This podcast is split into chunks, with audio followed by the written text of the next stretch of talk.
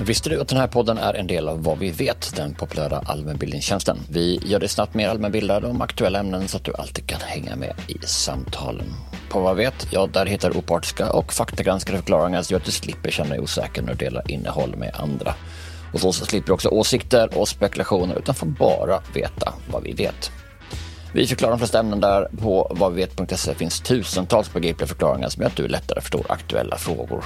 Det är också skoj, för där kan du också testa din allmänbildning inom olika ämnen med våra quiz och sen jämföra ditt resultat med genomsnittet.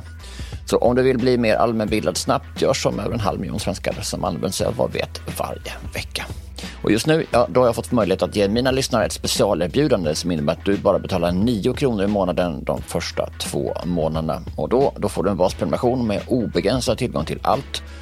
Och så kan du dessutom dela den prenumerationen med en vän, vilket ju blir ännu mer prisvärt. Journalistik av hög kvalitet som vi gör, ja det kostar förstås pengar. Och det är våra nyfikna, generösa prenumeranter som gör det möjligt för oss att producera den här podden. Och jag skulle därför bli så glad om du ville bli en av dem som stöttar oss. Du gör det så här, du går till vadvet.se per eller anger rabattkoden PER, PER. Vid utcheckning så får du prova på för bara 9 kronor i månaden. Det är alltså vadvet.se per eller rabattkod PER. Tack på förhand. Botox Cosmetic, out of botulinum toxin A, FDA approved for over 20 years. So, talk to your specialist to see if Botox Cosmetic is right for you. For full prescribing information, including boxed warning, visit BotoxCosmetic.com or call 877-351-0300. Remember to ask for Botox Cosmetic by name. To see for yourself and learn more, visit BotoxCosmetic.com. That's BotoxCosmetic.com.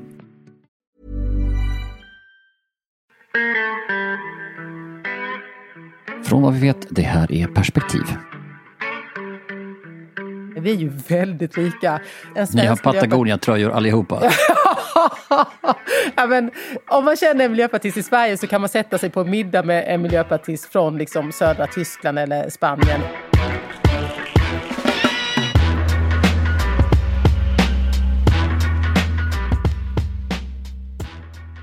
Europaparlamentet är Sveriges andra parlament.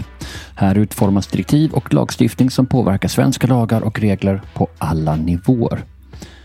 Men hur funkar det? Alltså praktiskt? Eller kanske taktiskt? Hur får man gehör för sina frågor i parlamentet?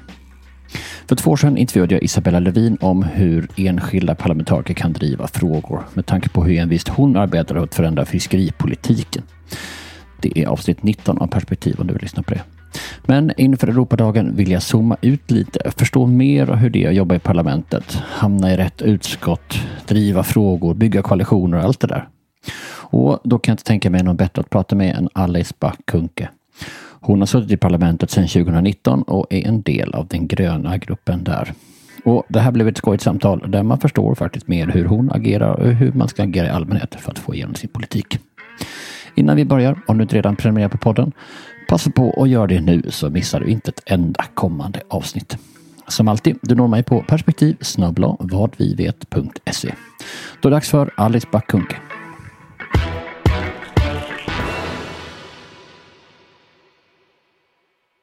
Varför kandiderade du till Europaparlamentet istället för att bli partiledare? Du har ju sagt att du kunde tänka dig det och sen satte du fokus på Bryssel. Vad kan du åstadkomma där som du inte kan åstadkomma hemma? Ja, men det du säger nu är ju en sanning med stor modifikation som eh, tyvärr lever upp till devisen att om en lögn upprepas tillräckligt ofta så blir den till slut sann.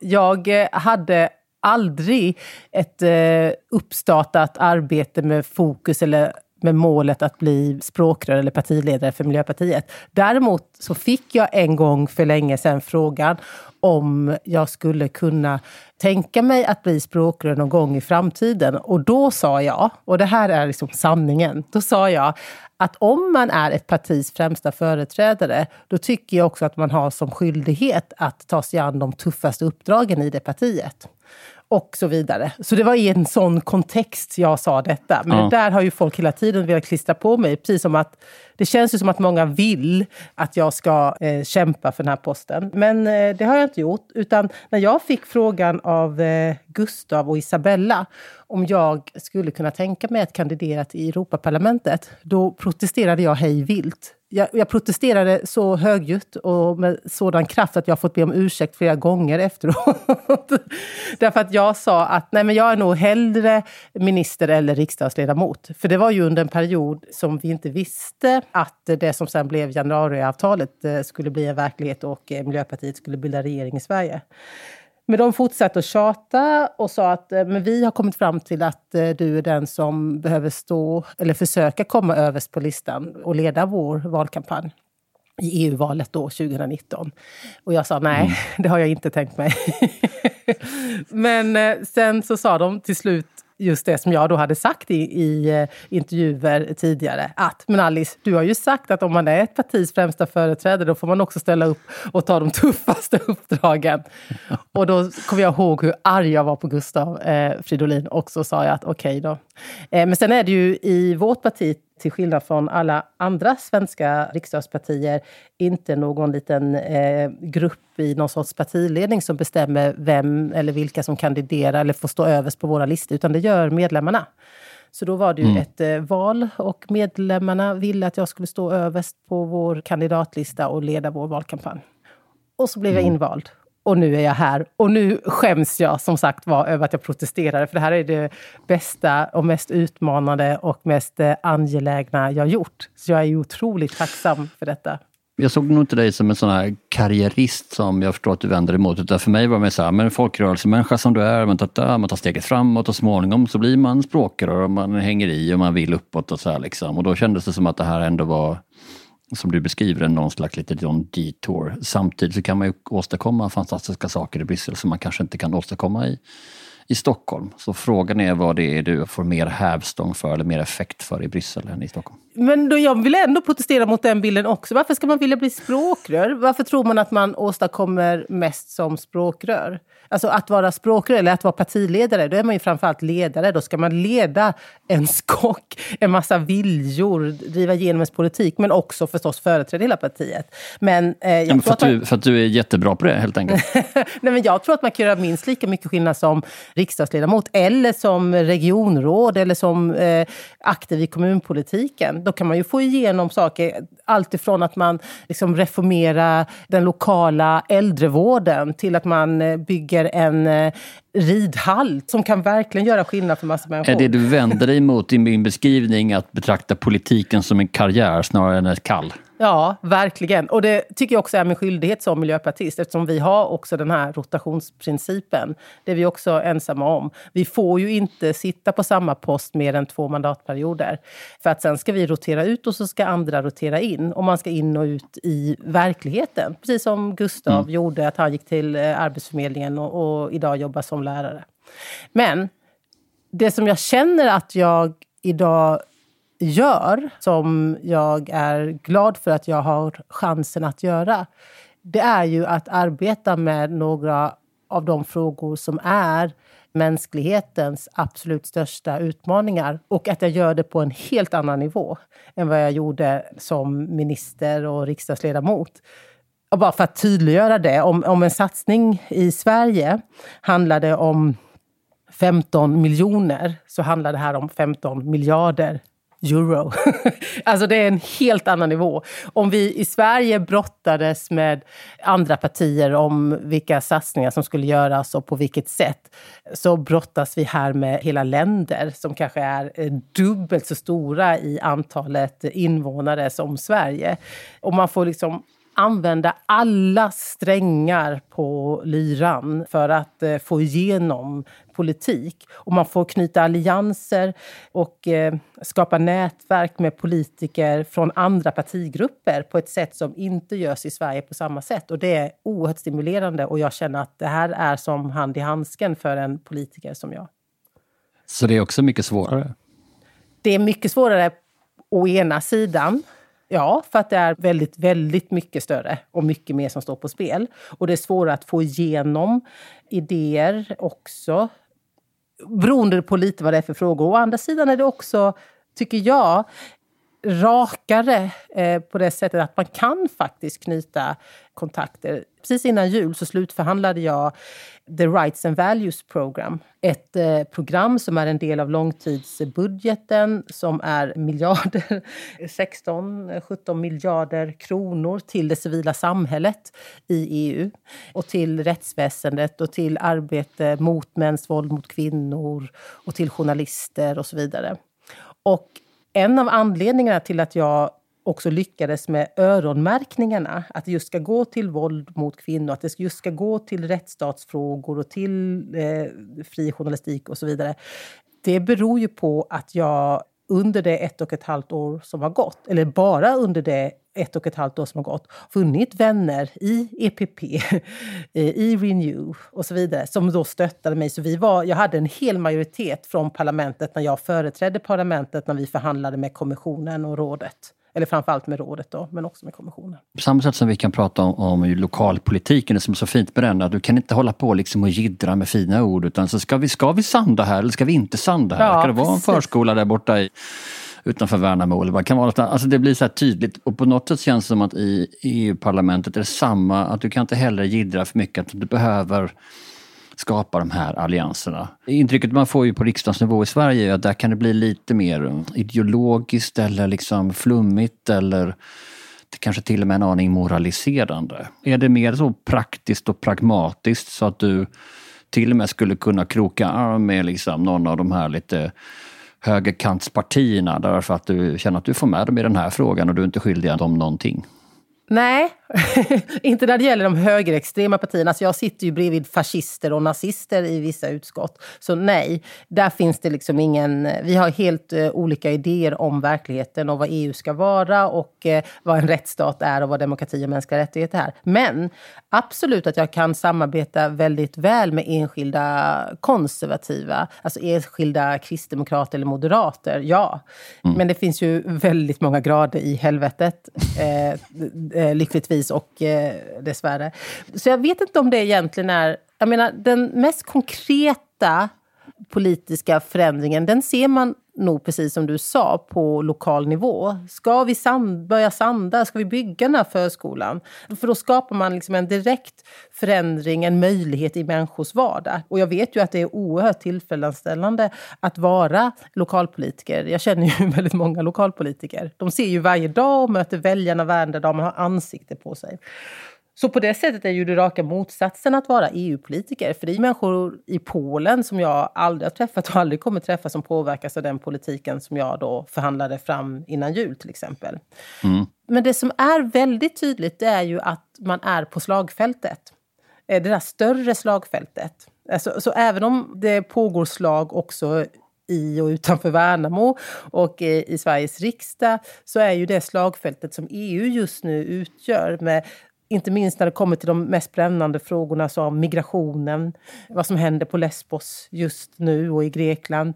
Men också frågor om hur Polen och Ungern och eh, en rad andra medlemsstater bryter mot eh, EUs grundläggande värderingar och så vidare i en rad frågor. Allt det där sker ju också och som miljöpartist i alla fall så är ju hela vår idé att vi ska vara en del av någonting större. Det handlar ju både mm. om det liksom nära, nära. Människor ska äga sin frihet och kunna förverkliga sina liv och, och riva hinder och ta sig över dem och så vidare. Men så handlar det också om solidaritet med andra människor. Och då är ju EU och parlamentet en fantastisk plattform för att arbeta med de frågorna.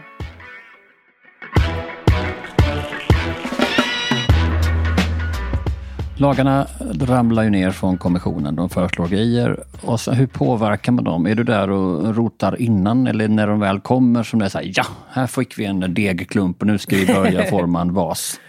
Nej, eh, jag är väldigt mycket innan med alla verktyg som finns, eh, som är tillåtna. alltså både, både, då att man, både att man lyssnar och analyserar tal. Vad säger de? Alltså, både vad, vad sa Ursula von der Leyen i sina första tal, alltså kommissionens ordförande, men också vad var sagt under de sista åren av den förra kommissionen. Och vad är redan på gång? För man kan ju tro att Ursula von der Leyen började med vitt blad eh, när hon tillträdde då, för, också för ett och ett halvt år sedan. Eller när hon blev vald. Men eh, så är det ju inte, utan det har ju hela tiden funnits generalsekretariat, alltså skuggor. Till exempel Ylva Johansson som är kommissionär, hon har ju ett DJ, liksom, en, som ett eh, vad säger man, departement som jobbar med hennes frågor. Och de höll ju redan på att jobba med en massa frågor. Så de har vi analyserat. Vad kan vi räkna med att de inte kommer börja om på scratch Som du sa till mig en gång, att kom ihåg att ministern är statssekreterarens ansikte utåt. Precis! Precis så är det.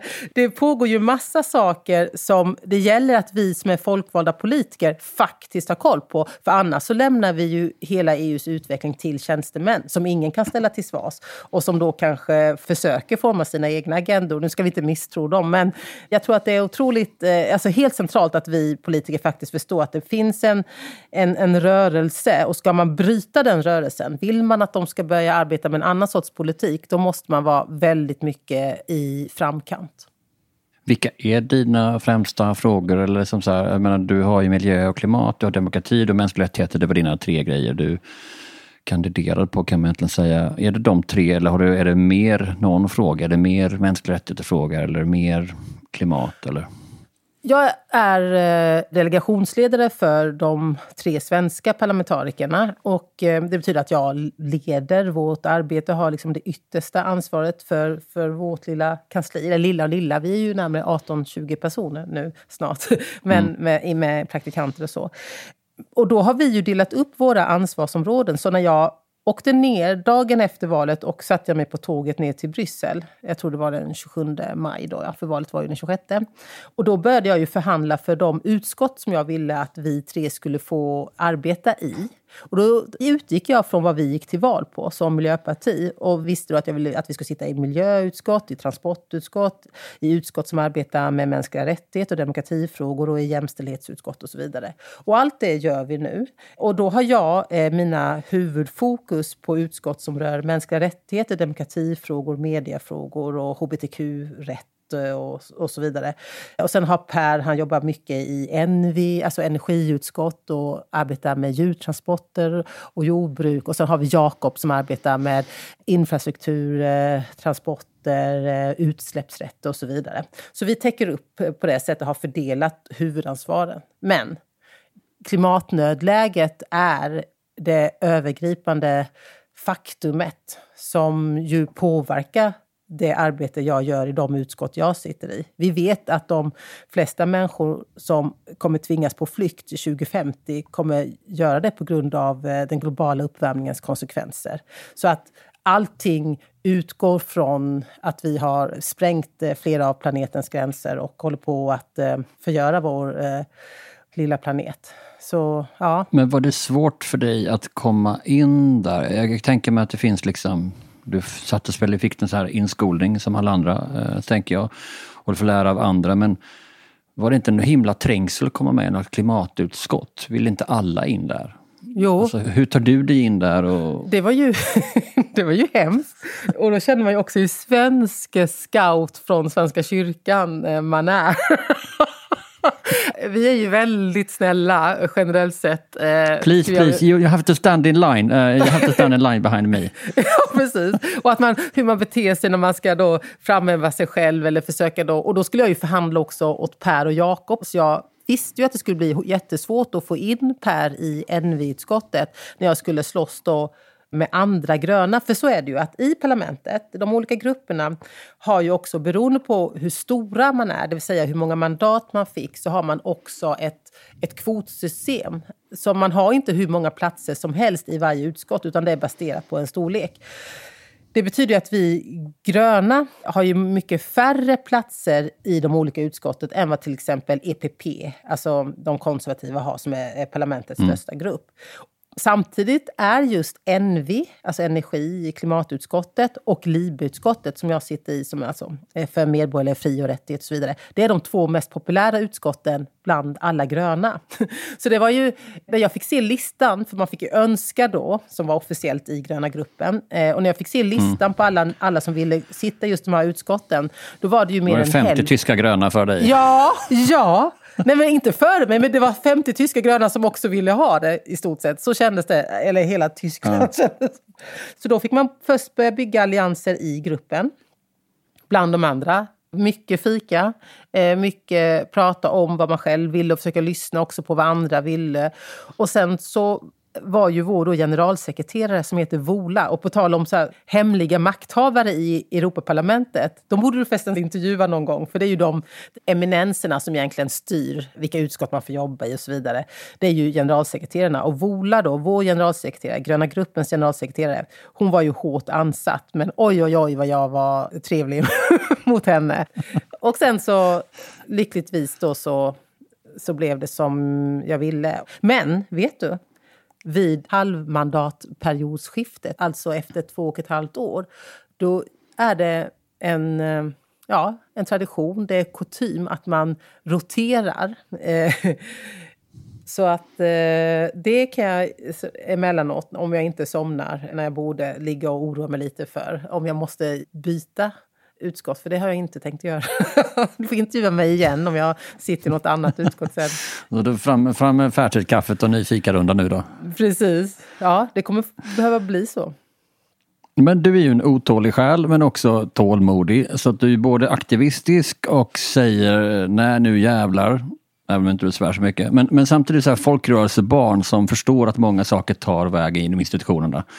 Så givet allt detta så tänker jag så här, är du frustrerad som fan? Eh, att få saker och ting gjorda? Eller är du så här, ah, men saker tar sin tid? Och... Nej, nej. Jag är eh, verkligen frustrerad. Jag hade nog inte känt mig lika rastlös om det inte var för klimatnödläget. Men vi har inte så många år på oss, de faktum. Det är en massa beslut som måste komma på plats nu. Vi mm. måste stoppa eh, de fossila utsläppen nu. Annars är det kört, även om vi inte kommer märka av hur för sent det är förrän om ett antal år. Det gör mig oftare upprörd än vad jag skulle eh, önska. Det tar för lång tid. Samtidigt så lagstiftning måste ju ta tid. Eh, det är ju demokratiska mm. processer. Vi, vi stiftar ju lagar som påverkar hundratals miljoner människors vardag. Så självklart ska det ju eh, ta sin tid. Även om vi då gör allt vi kan för att det ändå ska ta så kort tid som möjligt inom rimlighetens gränser. Mm. Men vid sidan av lagstiftningsarbetet så finns det ju massa saker jag som folkvald kan göra. Allt ifrån att uppvakta kommissionärer för att de ska lägga fram bättre lagförslag, till att skriva debattartiklar, till att då nätverka med det civila samhället. Det ägnar jag ju otroligt mycket tid åt. Ha möten och dela idéer och arbeta fram strategier tillsammans med frivilligorganisationer. Framförallt från Sverige, men hbtq-rörelsen driver ju samma frågor i alla medlemsländer, så de har jag också regelbundet möten med och så vidare. Så det finns ju verkligen att göra som tillfredsställer på kort sikt. En annan sak, liksom, om man tittar på själva arbetet, är det viktigt att uttala sig i olika sammanhang? Jag såg nämligen att du yttrade i debatten efter att Joe Biden installerades som president och att du säger att du är för det, typ. Samtidigt som att du välkomnar det. och du uppmanar oss att inte ta demokrati för givet, eh, bla bla bla. Liksom. Vem ja. är det tänkt att höras av? Är det liksom en pik till dina ungerska kollegor från Viktor Orbáns parti? Eller liksom, men det, är ju, det är ju viktigt sagt men det är också liksom på något sätt meningslöst. Alltså om ja. ni förstår mig rätt. Eller, Nej, eller är det ja, att det noteras det, någonstans? Ja, då när jag gjorde det så är det ju att jag representerar de gröna. Jag hade ju flera syften med att slå in min öppna dörr. Då. Ett, jag representerar gröna gruppen, så att det är ju viktigt också för protokollet att det är någon från sossarna, någon från konservativa, någon från liberalerna och så vidare. Och jag representerar de gröna. Alla gröna alltså i EU. Och därför var det viktigt att jag sa de här korta sakerna. Man har ju typ 60 sekunder eller max 90 sekunder på sig. Så det var, det var ett mer formellt syfte. Det andra syftet var att Ursula von der Leyen var där. Hon är ju inte alltid där.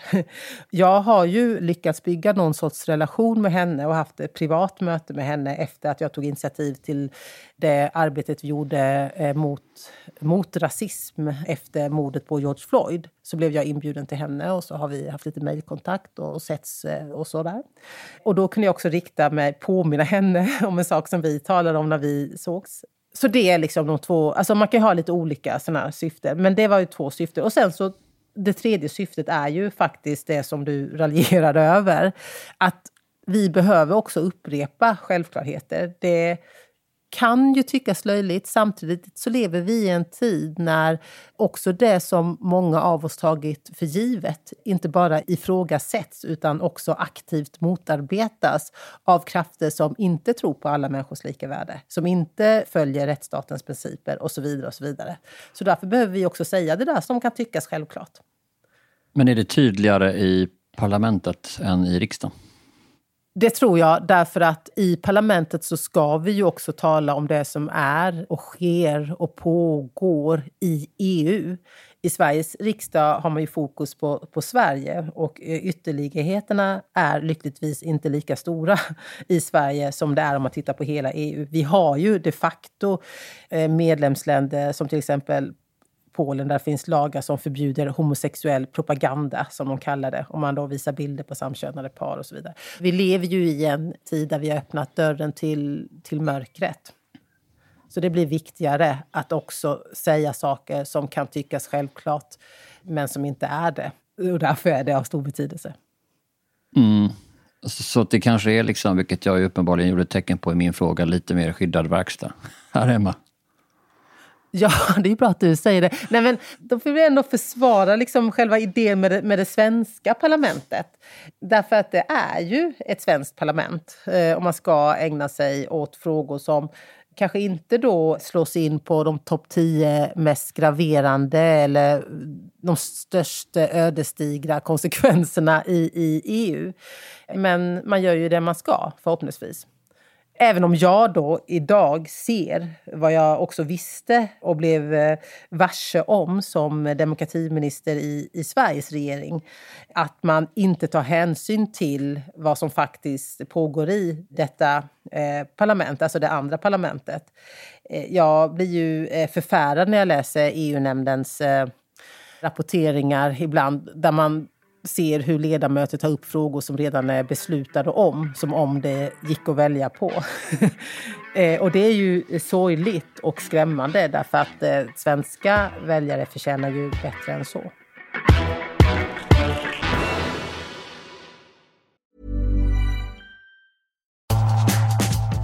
Alla som har företag vet hur mycket näring som krävs för att något ska kunna växa. Och det är samma sak med företag. Kapital är den näring som behövs för att din firma ska kunna växa sig större. Almi ger näring till svenska företag genom att erbjuda finansiering i form av lån, riskkapital och affärsutveckling till små och medelstora företag. Och det är just kombinationen som är det viktiga, både pengar och råd. Och som gör att Almi skiljer sig från bankerna. Så om du behöver näring, hör av dig till Almi. De finns över hela Sverige och har kloka rådgivare nära dig som både förstår din bransch och din region. Gå in på almi.se ta steget för att läsa mer. Almi.se ta steget alltså.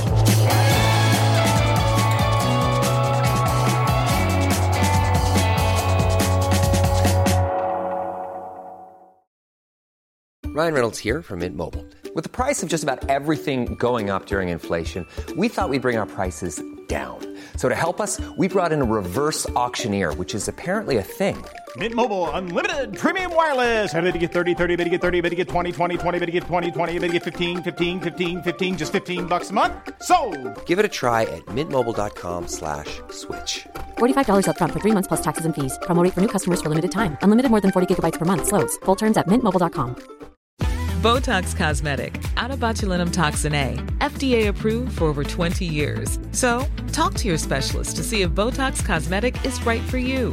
For full prescribing information, including boxed warning, visit BotoxCosmetic.com or call 877-351-0300. Remember to ask for Botox Cosmetic by name.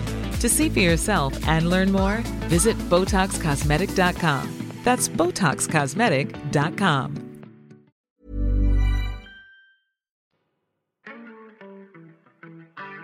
Vilka är de viktigaste skillnaderna mot det svenska parlamentet då? Du berörde att det är lite, eh, lite så, alla förhandlar med alla. Det är brist på partipiska. Eller finns det partipiska inom den Gröna ja, grupp, grupperna.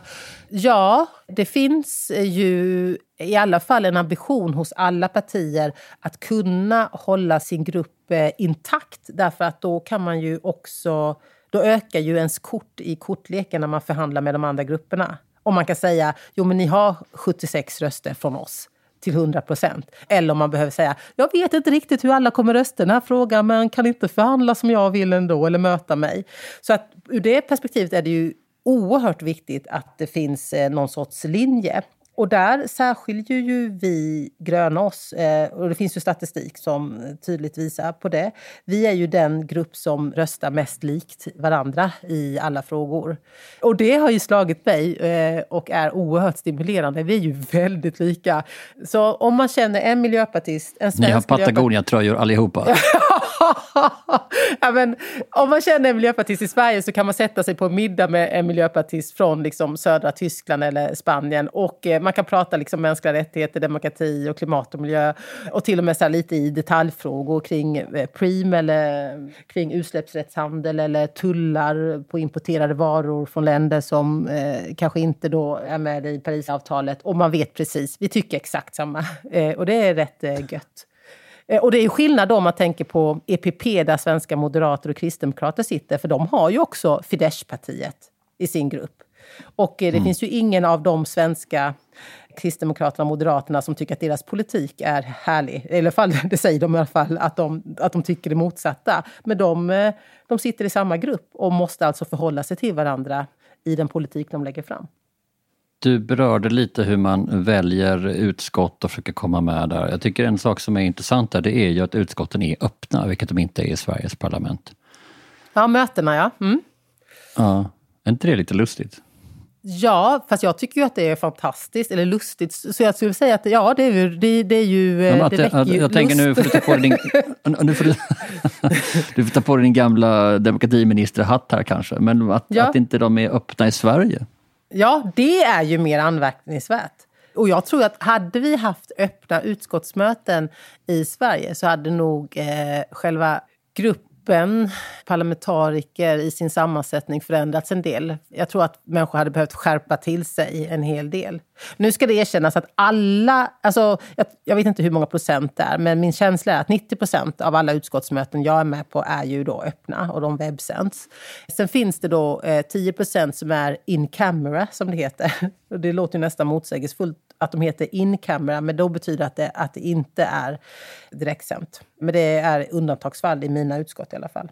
Nej, men jag tycker det är fantastiskt. Eh, För man det, kan ju se din kalender. Jag har varit inne och tittat i din kalender. Du har ju inte exakt allt där, liksom, men, men man ser ju ändå vilka möten du har varit med på. Man kan se vad du röstar på, sådana här saker. Man kan till och med, ibland så skriver du, vet inte hur vanligt det är, varför du röstar på någonting. Ja, man gör röstförklaringar.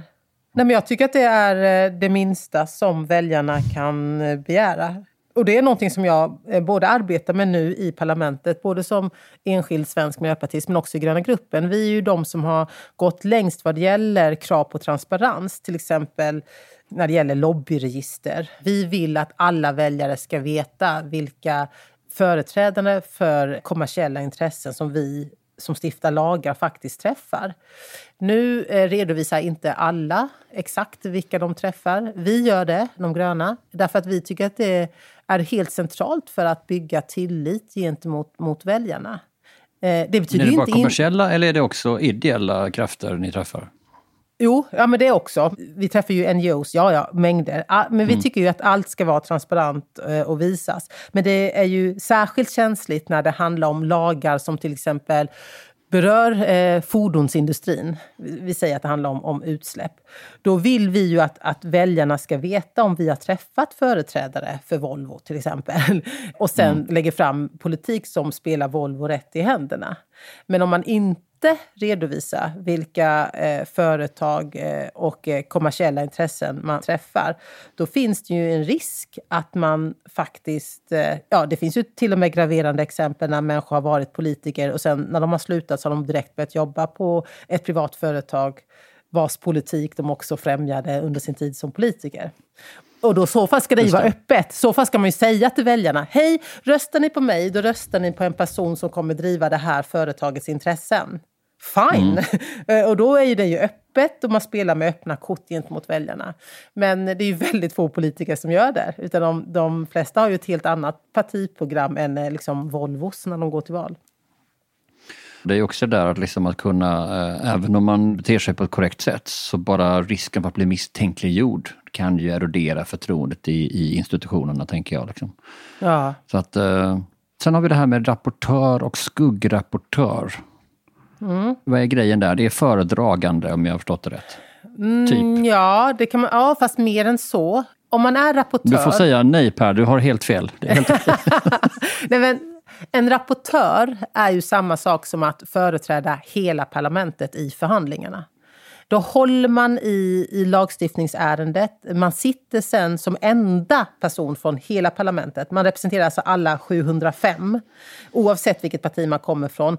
Och förhandlar med, som jag fick då göra innan jul under två intensiva veckor, med en representant från Tyskland som då var ordförande för rådet. Och därför skickade de en tysk och med en kommissionär.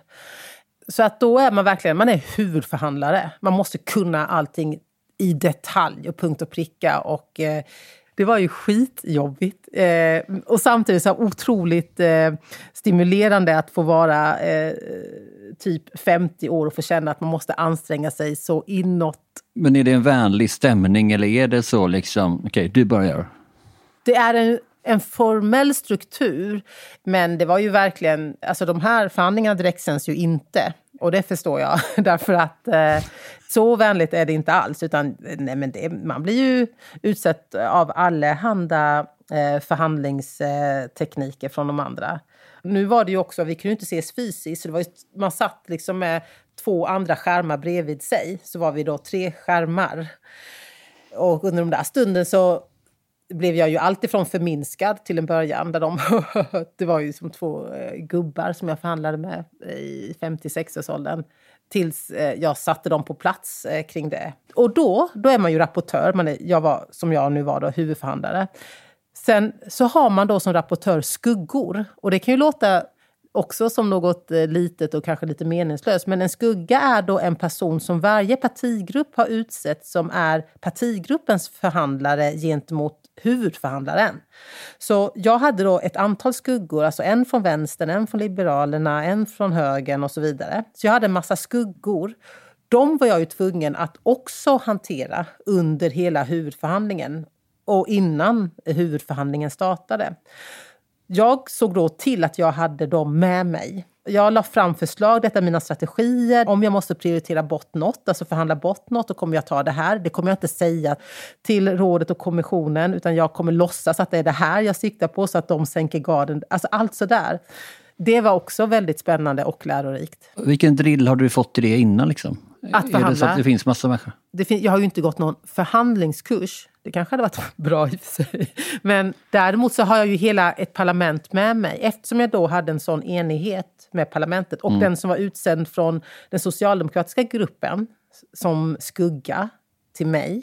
Han är också LIBE-utskottets ordförande till exempel. Så jag hade ju otroligt många namnkunniga människor med mig. Och därför var jag ju så mån om att, för de får ju sitta och lyssna, de får lyssna in. Men kutym är att de får aldrig bryta in, för då drar de ju undan mattan från mig. Så jag hade också då han, LIB-utskottets ordförande, en spanjor, López Aguilar, som verkligen är spansk på alla sätt och vis, också i 50-60-årsåldern. Jag tänkte så här under första mötet när det hettade till och jag märkte att de här personen som företräder rådet och personen som företräder kommissionen alltså kommissionären, eh, att de, när de försökte förminska mig under en liten vända där framåt eh, kvällskvisten under en förhandling, så tänkte jag, nu hoppas nu inte någon går in av mina skuggor. För de kan bryta in, men då ska det ha spårat ut rejält. Det hör inte till spelreglerna.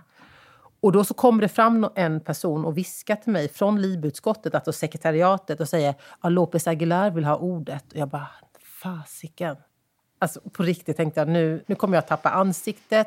Och nu ja, ja, här kommer, kommer klassförst, här kommer liksom målsman ja. och ska bryta in. Ja, men precis. Nu kommer rektorn. Och då så, så, så då sa jag, men jag kunde samtidigt inte inte ge honom ordet. Sådär. Så jag var tvungen, ja. Så då sa jag Mr Lopez Aguilar, eh, uh, shadow from SND but also Libeshare. Och det, vet, det visste ju Reynolds om, alltså kommissionären och sådär. Och då kom han in och så bara, då sa han så här, ja tack, jag vill bara säga att jag har lyssnat nu på förhandlingarna så här långt. Jag vill bara säga att eh, vår eh, rapportör Alice Bakunke, hon gör ett fantastiskt arbete. Hon har ett enigt parlament bakom sig och eh, jag talar för oss alla när jag bara säger lycka till. Sen bara gick han ut. Efter det Förstår du vilken gåva? Jag ville ju skicka blommor, men det kunde jag inte göra heller, för det blir ju som att jag bara erkänner hur, hur... Men det var ju som en gudagåva att han gick in och krönte mig. Såna kröningar behövs ju. Och det var ju så fint av honom och stort av honom. För han ville visa de där två gubbarna då i hans ålder, som vet mycket väl men han är, men de har aldrig hört eller sett mig tidigare, att jag är drottningen just nu och hon leder oss. Varför börjar jag prata om det här nu? Jo, skuggorna. Så Nej, skuggorna men, är viktiga. Det var för att jag undrade, undrade lite om den där taktiken. För liksom det är så här, i, i många nya jobb så får man gå in till någon och så säger någon så här, gör så här. Eller liksom, mm. Här är tre bra grejer du ska tänka på när du ska förhandla med kommissionen. Eller någon som har liksom, jag menar, har du fått tips av någon att se, ja. berätta för skuggrapportörerna eller är det ja, bara liksom så här knutfluga ja, ja. Alice från Småland som har, har kört det här sedan årtionden? Nej, nej. Fast det är ju, skulle jag vilja säga, en av nycklarna till allt jag har lyckats med. Och det är nycklar som jag, när jag har misslyckats, i så fall inte använt. Jag är ju väldigt bra på att ställa frågor. Jag har ju ingen stolthet. när det handlar om... Nej men på riktigt! Och det tycker jag att inte vara stolt tycker jag är en sak som jag är skyldig att inte vara. Det är jag ju skyldig väljarna. De har ju röstat på mig. Många, närmare 500 000 på Miljöpartiet och mig alltså totalt. Det är klart att jag inte får gå runt och vara stolt. Jag ställde ju mängder av frågor, träffade massa människor innan vi gick in i de här förhandlingarna. Titt tittade på tidigare förhandlingar, alltså förstår du, läste hur det gått väga, pratade med dem på LIB-utskottet, de juridiska. Man har, också, man har ju massa personer, när man sitter där och förhandlar, jag önskar du, du måste komma med nästa gång eh, jag får chansen, om jag får chansen att göra det. Då har jag ju också juridisk expertis. Alltså jag är ju inte jurist. Jag kan ju inte alla detaljer i hur transaktionerna sker och när, vad kommissionen faktiskt måste göra enligt någon paragraf långt borta som aldrig har hänvisats till och så vidare. Men tack vare att jag hade byggt upp nätverk, eh, byggt relationer med dem på den juridiska expertisenheten så hade jag ju Jue från Portugal, en av de här juristerna, som ringde mig eller textade mig under eh, förhandlingen och sa syna eh, kommissionens kort på det där. Han försöker lura bort dig. Det är inte sant det han sa alldeles nyss. Och då kunde jag ju titta på det textmeddelandet och säga så här. Uh, but I wonder what the commission just said some minutes ago. Is that true? That you can do like that? Can you hold the payment until 2022? Och de bara, no, well no, maybe. Alltså där, det hade jag ju inte... Jag hade ju inte kunnat peka på det och med det vinna respekt om inte jag också hade byggt den här relationen till den juridiska experten från Libe-kansliet. När man beskriver det här, så man beskriver det ju lätt liksom som dramatiserat, att förhandling just blir krig eller att man står emot varandra, att det är liksom oresonligt. Och senast jag var i parlamentet så råkade jag ramla in på något sånt här möte. Det tog väldigt lång tid innan de förstod att vänta, vad har han där att göra? Och tid innan jag förstod att det här ska inte alls vara. Utan det stod, det stod ju så här in camera, jag tänkte ja, men det här är väl öppet och trevligt. Och så, ja. så, det var någon finländsk eh, kollega till dig som var väldigt snäll mot mig och ledde ut mig. Och så här. Men det som var intressant i det där, det var just som att det var, mm, men folk satt koncentrerade, men det var liksom vänligt i rummet och att det var ett fantastiskt listmöte. Men liksom jag fick på något sätt titta i maskineriets inre. Det är ju här kugghjulen hakar i varandra. Det är parlamentet, det är kommissionen, liksom det är rådet. Liksom. Och så lite från alla möjliga håll och kanter. Kanske var någon budgetenhet som sitter där och kuggar lite grann. Med, alltså det var så här, det är väloljat, det, det håller på. Det är klart att det blir liksom gnissel, men igen då liksom, jag gör kuggrottsrörelser med fingrarna. Men det, alltså det är någonting i det där som, är, som jag tyckte var ganska maffigt när jag var med på det där sist. Mm. Jo, men det är ju kugghjulsrörelse å ena sidan. Men det blir ju särskilt hetsigt när det handlar om pengar. Nu var ju den förhandling jag ledde också en del av MFF, av långtidsbudgeten. Så det är jag ju väldigt tacksam för, för det är ju inte alla parlamentariker som får ens uppleva det, att förhandla något som också är en del av MFF. Utan det, det sker ju mängder med förhandlingar hela tiden, men inte just då var sjunde år eh, och som kommer påverka under så lång tid framöver. Så det är ju lite olika. Men det finns väldigt tydliga regler för hur man egentligen ska bete sig alltså, och hur man ska göra det för att man också ska nå i mål. Till exempel om inte vi hade kunnat komma överens i den förhandling jag ledde som avslutades då precis dagarna före jul. Då kan man undra, vad, vad skulle då hänt? Det här var ju en del av MFF. -en då finns det ju liksom regelverk också vad som händer då. Eh, och har man ingen långtidsbudget så fortsätter ju budgeten från året tidigare och så vidare. Så det finns ju regler för allting, också hur man bryter avtal eller inte kommer överens, även om Boris Johnson inte riktigt respekterar det och så vidare. Så finns det egentligen regelverk också för sånt. Om man skulle säga att det är någonting som folk inte fattar med Sveriges andra parlament, eh, är det någonting där som kanske också även förvånat dig? Ja, men det som förvånar mig mest är väl framför allt hur vi politiker inte alls i tillräckligt stor utsträckning lever upp till att informera våra väljare om vad vi gör och hur vi gör det och varför.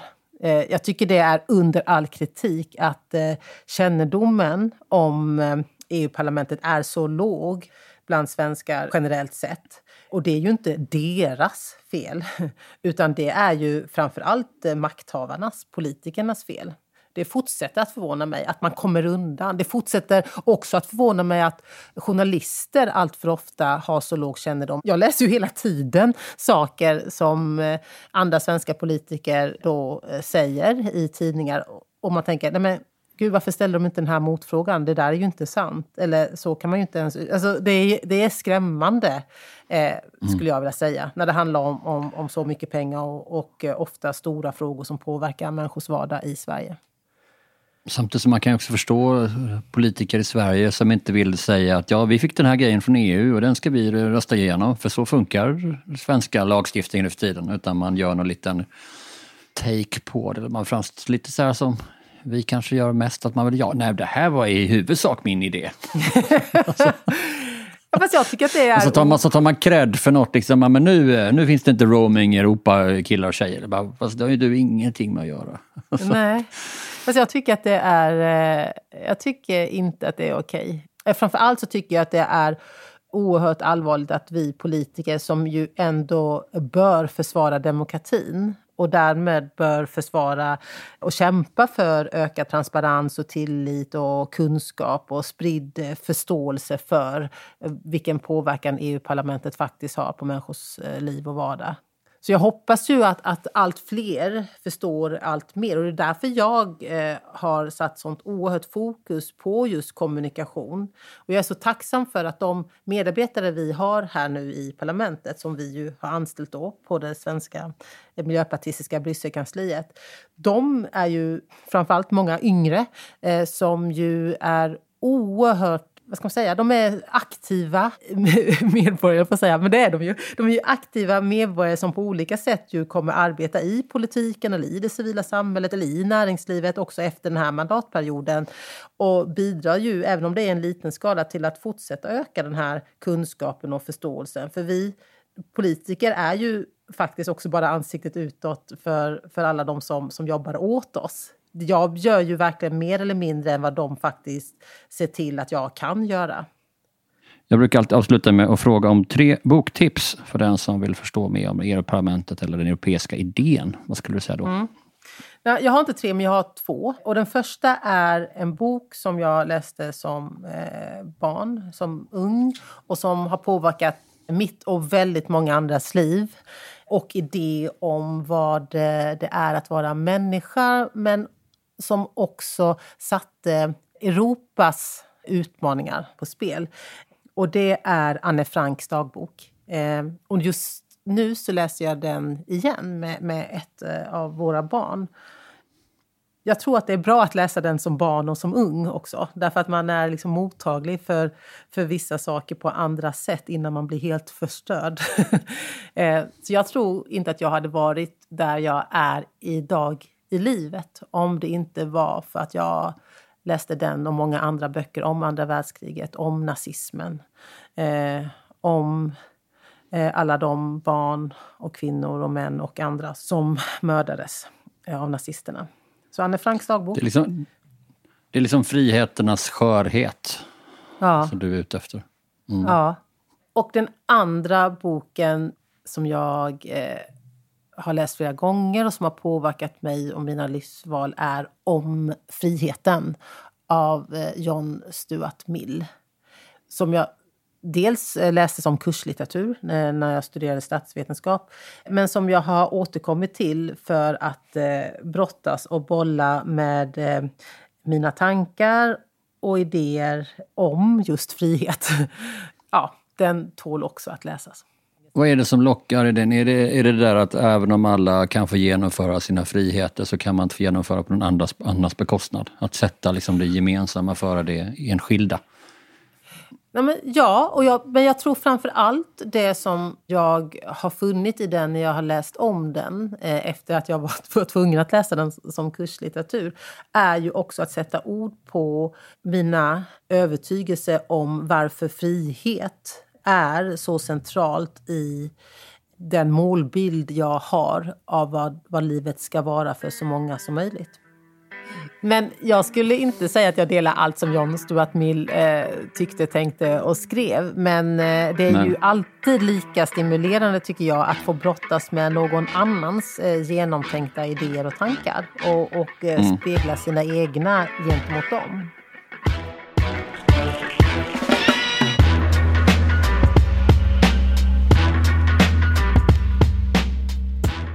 Det där var Alice Bakunke, Europaparlamentariker. Vem tror du skulle uppskatta att höra just det här avsnittet? Någon som undrat hur 17 parlamentet funkar kanske? Med dela-knappen i poddappen så kan du lätt skicka det här till en kompis eller dela i sociala kanaler. Använd gärna då hashtag perspektivpodden när du delar. Och lyssnar du via Apple Podcast eller Acast får gärna ge oss fem stjärnebetyg för det hjälper fler att upptäcka vad du just hört. Och när du ändå är inne och petar i appen, passa på att prenumerera om du inte redan gör det för att inte missa nästa avsnitt. Som precis som detta kommer ge dig fler perspektiv på ett aktuellt ämne. Producent var Jens Back, klippning Hanna Brandén, mixning Stray Dog Studios och jag heter Per Granqvist. Nästa gång ger vi dig perspektiv på ett helt annat aktuellt ämne. Vi hörs då.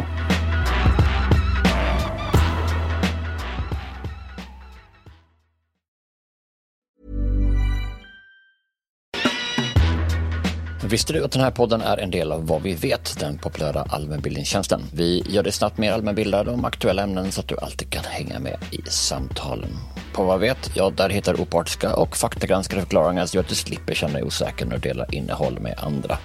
Och så slipper du också åsikter och spekulationer utan får bara veta vad vi vet. Vi förklarar de flesta ämnen där. På vadvivet.se finns tusentals begripliga förklaringar som gör att du lättare förstår aktuella frågor. Det är också skoj, för där kan du också testa din allmänbildning inom olika ämnen med våra quiz och sen jämföra ditt resultat med genomsnittet. Så om du vill bli mer allmänbildad snabbt, gör som över en halv miljon svenskar som använder sig av Vad vet varje vecka. Och just nu, ja, då har jag fått möjlighet att ge mina lyssnare ett specialerbjudande som innebär att du bara betalar 9 kronor i månaden de första två månaderna. Och då, då får du en basprenumeration med obegränsad tillgång till allt. Och så kan du dessutom dela den prenumerationen med en vän, vilket ju blir ännu mer prisvärt.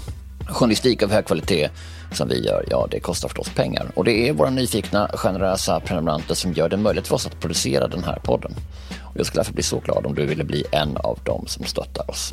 Du gör det så här, du går till vadvet.se per eller anger rabattkoden PER, PER. Vid utcheckning så får du prova på för bara 9 kronor i månaden. Det är alltså vadvet.se per eller rabattkod PER. Tack på förhand. Botox Cosmetic, out of botulinum toxin A, FDA approved for over 20 years. So, talk to your specialist to see if Botox Cosmetic is right for you. For full prescribing information, including boxed warning, visit BotoxCosmetic.com or call 877-351-0300. Remember to ask for Botox Cosmetic by name. To see for yourself and learn more, visit BotoxCosmetic.com. That's BotoxCosmetic.com.